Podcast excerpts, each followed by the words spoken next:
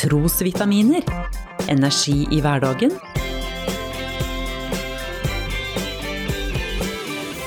Ved Norea-pastor Svein Anton Hansen.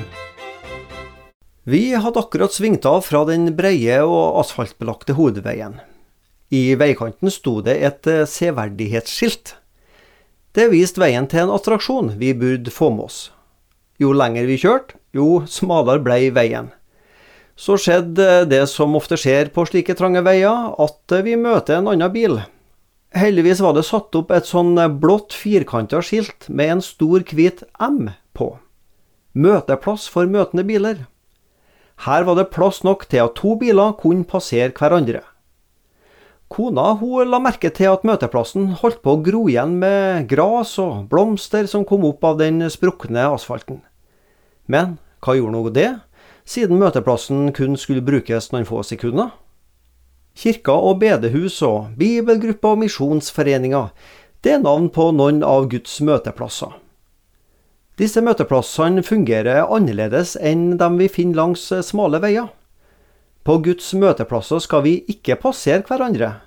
Nei, her vil Gud at vi skal stoppe for noen minutter eller noen timer. Her skal vi ikke bare møte hverandre til en kopp kaffe. På disse møtepunktene vil Gud sjøl møte oss. Disse møtestedene må vi ikke la stå ubrukte. Jo sjeldnere vi bruker dem, jo smalere blir de. De gror igjen, og Gud får bokstavelig talt lite rom i våre liv. Noen kristne har litt dårlige møtevaner. Derfor skriver forfatteren av Hebreerbrevet La oss ikke holde oss borte fra vår egen forsamling, slik noen har for vane, men la oss formane hverandre, og det så mye mer som dere ser at dagen nærmer seg.